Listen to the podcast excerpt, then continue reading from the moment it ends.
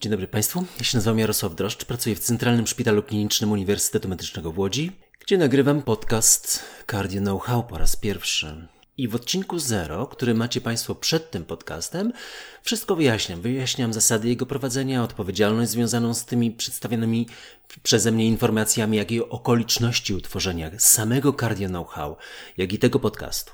Szanowni Państwo, dzisiejszy temat wiąże się z niewydolnością serca, kluczowym problemem kardiologicznym, jak i też myślę, że całej medycyny. Państwo macie tą świadomość. I wiąże się też z pewnym elementem optymalizacji farmakoterapii, czy w ogóle leczenia w niewydolności serca. Ale zacznijmy od małego quizu. 67-letni pacjent z ciężką niewydolnością serca, klasa trzecia, stabilna klasa trzecia, tło niedokrwienne już po pomostowaniu aortalno-wieńcowym, po wcześniejszej i późniejszej angioplastyce wieńcowej w zasadzie pod tym kątem stabilny, bez niedokrwienia y, w badaniach klinicznych. Czterokrotnie w ciągu ostatnich dwóch miesięcy hospitalizowany w klinice kardiologii. Za każdym razem po wdrożeniu dożylnego leczenia maczopędnego ubytek masy ciała wynosił mniej więcej 5-12 kg i za każdym razem pacjent wracał po kilku dniach pobytu w domu, w szpitalu tydzień, dwa, w domu parę dni i za każdym wracał do, razem do pracy. Leczony, nie muszę Państwu mówić, zgodnie z wytycznymi. Oczywiście będziemy o tym mówić, jakie są te wytyczne w praktyce, ale nie pora teraz wyjaśnić szczegółów tego zagadnienia. Kardiowerter defibrylator. I trzy pytania. Wykonujemy kolejną koronarografię? Pomimo 0% indukowanych zaburzeń perfuzji w SPECT i 32% utrwalonych zaburzeń perfuzji w badaniu scintygraficznym? To jest punkt pierwszy. Punkt drugi. Zgłaszamy pacjenta do przeszczepienia serca i spokojnie czekamy na sygnał z ośrodka transplantacyjnego. Przypominam, pacjent wraca do pracy. Za każdym pobytem wraca do aktywności zawodowej. I trzecie. Czy diagnostyka w kierunku niedoboru żelaza? No ale patrzymy na morfologię hemoglobina 14,1. Oczekujecie Państwo odpowiedzi, ale ono się pokaże na końcu. Najpierw parę sytuacji takich, yy, które przypominają Państwu informacje ze studiów.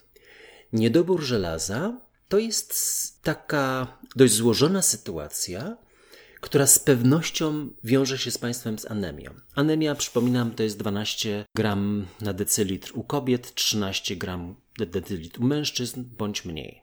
Ale przypomnę Państwu, że jest jeszcze, są takie trzy terminy, które się z tym wiążą, które Państwo z pewnością pamiętacie, ja musiałem sobie je odświeżyć całkiem niedawno.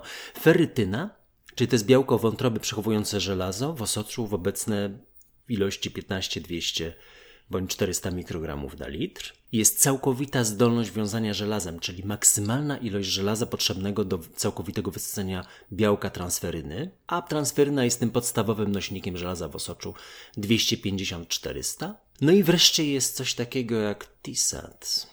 To jest wskaźnik, który nie do końca może być przez Państwa mm, łączony z fizjologią roku drugiego, ale rzeczywiście pojawił się taki wskaźnik, który łączy taką kalkulację żelazo aktualne podzielone przez całkowitą zdolność wiązania żelaza, czyli ile procent tej zdolności osocza do wiązania żelaza jest wysyconych. Razy 100%, po to w procentach łatwy do zapamiętania wskaźnik. No i druga informacja, którą też Państwo pewnie pamiętacie, że jeżeli w niewydolności serca pojawia się anemia, to jest ona obecna u połowy chorych, mówię 12-13 gram procent na decylitr, ale jeżeli jest, to zwiększa śmiertelność i to aż dwukrotnie. Wytyczne, przypomnę Państwu, z 2016 roku, w tym roku będą nowe wytyczne, mówią o tym, że klasa zaleceń pierwsza A to jest ocena ferytyny i TISAT. Natomiast peptydy natriuretyczne, które Państwo z pewnością wiążecie z niewydolnością serca, wiążą się oczywiście z taką, takim przeładowaniem, przewodnieniem płynowym organizmów niewydolności serca, to jest kluczowy, osiowy jakby taki kliniczny parametr, mają ledwo klasę 2A, czyli ważniejsze jest, żeby pamiętać o ferrytynie TISAT niż o peptydach natriuretycznych, które rutynowo oceniamy w każdym szpitalu i mam nadzieję, że w większości poradni. Wytyczne mówią też, co to jest niedobór żelaza. To nie jest anemia, to jest stan, kiedy mamy osoczową ferratynę poniżej 100 mikrogramów na, na litr lub ferytynę 100, 299, 300 przy saturacji transferyny poniżej 20%. TISAT poniżej 20%. A zatem bardzo niskie stężenie osoczowej ferytyny bądź małe wysycenie TISAT poniżej 20%. No i wspomniane jest też, że jest taki lek, którym uzupełniamy niedobory żelaza i jest on wskazany. Klasa zaleceń 2A nie dość silna, ale obecna. Przypomnijmy sobie jeszcze na moment, jak wyglądają najważniejsze publikacje, bo nie ma dużo publikacji z tego zakresu. Ferik 2008 rok, Ferik HF 2008 rok, Piotr Ponikowski, współpracownicy GCC, wykazał, że korzystne są efekty substytucji żelaza dożylnego i większe u osób z anemią. Poprawia się wydolność wysiłkowa, jak i klasa Nycha. FAIR HF, FAIR HF, HF z 2009 roku Stefana Ankera. To jest praca z New England 2009, gdzie poprawia się po 6 miesiącach obserwacji samoocena chorych, jakość, jakość życia i klasa Nycha. Oraz trzecia sprawa z takich kluczowych parametrów, kluczowych badań klinicznych 2015 roku Confirm HF, pan profesor Piotr Łonikowski, 24 tygodnie i poprawa wydolności wysiłkowej, zmniejszenie ryzyka hospitalizacji. Jak widzicie Państwo, nie ma tutaj informacji na temat przeżycia, śmiertelności, liczby hospitalizacji, choć to ryzyko spada dopiero w 2015 roku wykazane w Confirm HF. Takich mocnych, twardych punktów końcowych jeszcze się nie doczekaliśmy. No wreszcie trzeba zwrócić uwagę, że mamy takie badanie, które nie dość szeroko zostało propagowane, ale warto na nie zwrócić uwagę. Iron Out HF, prezentowane na American College of Cardiology, opublikowane w małym czasopiśmie, małym, niskopunktowym, jeden Impact Factor Cardiovascular Medicine w 2019 roku, ale niezwykle istotne z praktycznego punktu widzenia. Wniosek: doustna suplementacja żelaza nie jest skuteczna nawet jeżeli mamy niedobór. Mówię o sytuacji w niewydolności serca, bo Państwo wiedzą, że zostajemy w konwencji ciężkiej niewydolności serca jako dominującej choroby, niedoboru żelaza na bazie tych parametrów, które wspomniałem, ferytyna, tisat. No i wreszcie przechodzimy do meritum. Listopad, wyobraźcie sobie Państwo, Kongres American Heart Association, pierwsza sesja hotline i tam Polak. Pan profesor Piotr Ponikowski, tuż po inicjacji kongresu, w tym najbardziej powiedzielibyśmy dzisiaj prime time, przedstawia projekt badawczy AFIRM HF. 1108 chorych z frakcją poniżej 50, średnia frakcja 33, w końcowej fazie hospitalizacji z powodu ostrej niewydolności serca. Dekompensacja potwierdzona NT-proBNP 2400 w migotaniu przedsionków bądź 1600 przy rytmie zatokowym. Przypomnę Państwu tylko, że to jest taka populacja, która charakteryzuje się według y, statystyki około 10% roczną śmiertelnością, co zostało potwierdzone w ramieniu y, placebo w tym badaniu, i 50% koniecznością ponownej hospitalizacji.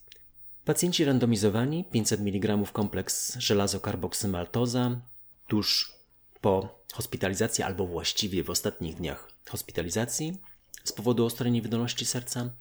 Jeżeli jest potrzeba, a zatem nadal utrzymuje się ten niedobór żelaza wspomniany wcześniej w wytycznych, dokładnie tak samo jak w wytycznych wspomniałem wcześniej, to w tydzień 6, 12, 24 jest substytucja. Pojedyncze podania żelaza. Maksimum 4. U większości chorych, zdradzę to Państwu tajemnicę, jeden lub dwa zastrzyki wystarczały. Nie dzień w dzień, czy dwa razy dziennie, czy raz dziennie, tylko raz bądź cztery razy w ciągu roku. No i wreszcie, pierwsze przeźrocze, punkt końcowy złożony, hospitalizacja lub zgon 0,059 to jest poziom istotności statystycznej. Powiedzielibyśmy, że to nie jest istotne statystycznie, ale to jest istotny z punktu widzenia praktycznego spadek ryzyka hospitalizacji lub zgonu. Zaraz powiem o takiej kolejnej analizie, jak to wyglądało, gdyby założyć, że nie mieliśmy pandemii w, w okresie czasu, ale do tego za moment. Przy czym ta redukcja hospitalizacji była 26%. Jeżeli samą hospitalizację rozpatrywać, to rzeczywiście mieliśmy jej mniej. Poziom istotności samej hospitalizacji w ciężkiej niewydolności serca P równa się 0,013. I to aż od 10 tygodnia rozchodzą się te krzywe, to widać wyraźnie. The Lancet jest miejscem, gdzie Państwo zobaczycie całą publikację. Redukcja pierwszej hospitalizacji lub zgonu 20%, ale zgonu praktycznie nie było mniejszej częstości. Brak wpływu na przeżycie P08 pokazuje, że to w zasadzie na ten parametr kliniczny, najważniejszy dla nas, ale ten parametr kliniczny nie działa. No i wreszcie dwa ostatnie elementy, które takie przeprowadzają analizy, czy lek, który ma tą skuteczność, ma również y, działanie niepożądane, bo to dobre i złe działanie leku jest ze sobą immanentnie związane. Jakiekolwiek działanie niepożądane 357 osób w grupie placebo, 360 w grupie badanej, zero efektu, patrząc na to. Poważne działania 250 w grupie leku, 282 w grupie placebo. Lek nie miał wpływu na działania niepożądane na poziomie placebo. To jest charakterystyka nowych leków w niewydolności serca, ale w ogóle w kardiologii. Fantastyczne, niskie ryzyko działań niepożądanych. Czyli kompleks żelaza i karboksymaltozy u pacjentów po hospitalizacji redukuje istotnie liczbę ponownych hospitalizacji, niezależnie od stopnia anemii. Ale wskazaniem jest obniżenie y, ferytyny, jak i TISAT, gdy ta ferytyna jest umiarkowanie obniżona albo prawidłowa. Co ważne, lek jest bardzo dobrze tolerowany i co najważniejsze, że to nie jest lek do podawania codziennego, niestety dożylnie, niedoustnie. Ironaut, przypominam, nie działa. Lek podany doustnie, dożylnie, ale pojedyncze dawki. U większości jeden lub dwa zastrzyki. To jest kompletna nowość, kompletna nowość w porównaniu do tego, co zwykliśmy oglądać. Szanowni Państwo, więc co robimy u tego pacjenta? Oczywiście oceniamy zdolność wiązania żelaza, ferytynę. Ten pacjent charakteryzował się taką 150 miał stężenie ferytyny, TISAT 15%, co pokazuje wyraźnie, że miał niedobór żelaza, jeden zastrzyk i przestał do nas przychodzić do żelaza, pozostał tylko w kontakcie w ambulatoryjnej opiece. Przychodził regularnie po recepty. Trwało to rok. Przestał przychodzić, co jest jednoznacznym dla nas wskaźnikiem, co się stało. I oczywiście można to rozpatrywać jako nieoptymalny przebieg, powiedzmy tak.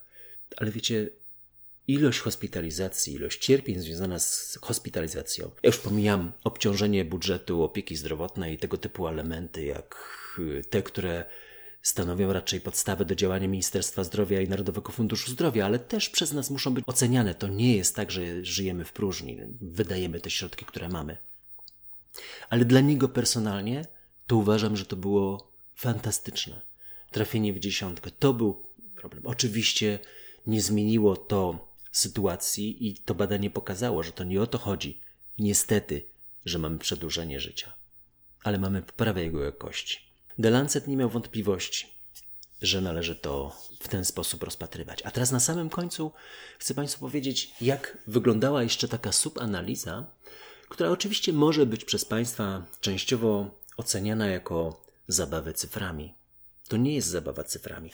Pandemia wprowadziła takie zamieszanie, jeżeli chodzi o badania kliniczne, jakiego Państwo sobie nie wyobrażacie. Akurat śledzę wiele badań i, i mam na ten temat swoje własne zdanie i rzeczywiście to jest trudny okres dla prowadzenia badań klinicznych, dla identyfikacji tych leków, które rzeczywiście prowadzą do poprawy. Bo jeżeli by oceniać tylko okres taki, że mamy pacjenta, było 10 krajów, więc łatwo to ocenić, ocenianego do momentu, kiedy pierwszy pacjent z COVID-19 został rozpoznany. Taka subanaliza Y, krótszego okresu czasu, pre-COVID, tak się to nazywało w publikacji, zobaczcie Państwo The Lancet, to mamy już istotność statystyczną złożonego punktu końcowego P0,024, a zatem poniżej 0,05. Mówimy o tym, że jest to istotny statystycznie spadek złożonego tego pierwotnego punktu końcowego hospitalizacja lub zgon. I na koniec Szanowni Państwo, to ciężka praca, szczególnie w moim wieku. Po 30 latach pracy kompletnie nowe medium, nowy sposób kontaktu z Wami, z Państwem. W związku z tym, jeśli macie Państwo uwagi, komentarze, pytania, kierujcie na Instagram, Facebook, Cardio Know-how. Znacie Państwo, jak się to pisze, nie będę mówił. Postaram się udzielić w części chociażby odpowiedzi. Na tych mediach też społecznościowych znajdziecie Państwo w przyszłości głosowanie na następne tematy odcinków. A ja się postaram spełnić Wasze oczekiwania, czy większość z Waszych oczekiwań. Jeżeli do środy, do godziny 16 Państwo zagłosujecie, będą widoczne wyniki tego głosowania, postaram się już w piątek do Państwa dotrzeć z odpowiedzią na dręczące tematy i postaram się też Państwo, dzisiejszy podcast ma 18 minut. Na pewno poniżej 20, raczej będę się zbliżał do 15 i trzymajcie Państwo kciuki, żebym był każdego tygodnia. Dziękuję bardzo.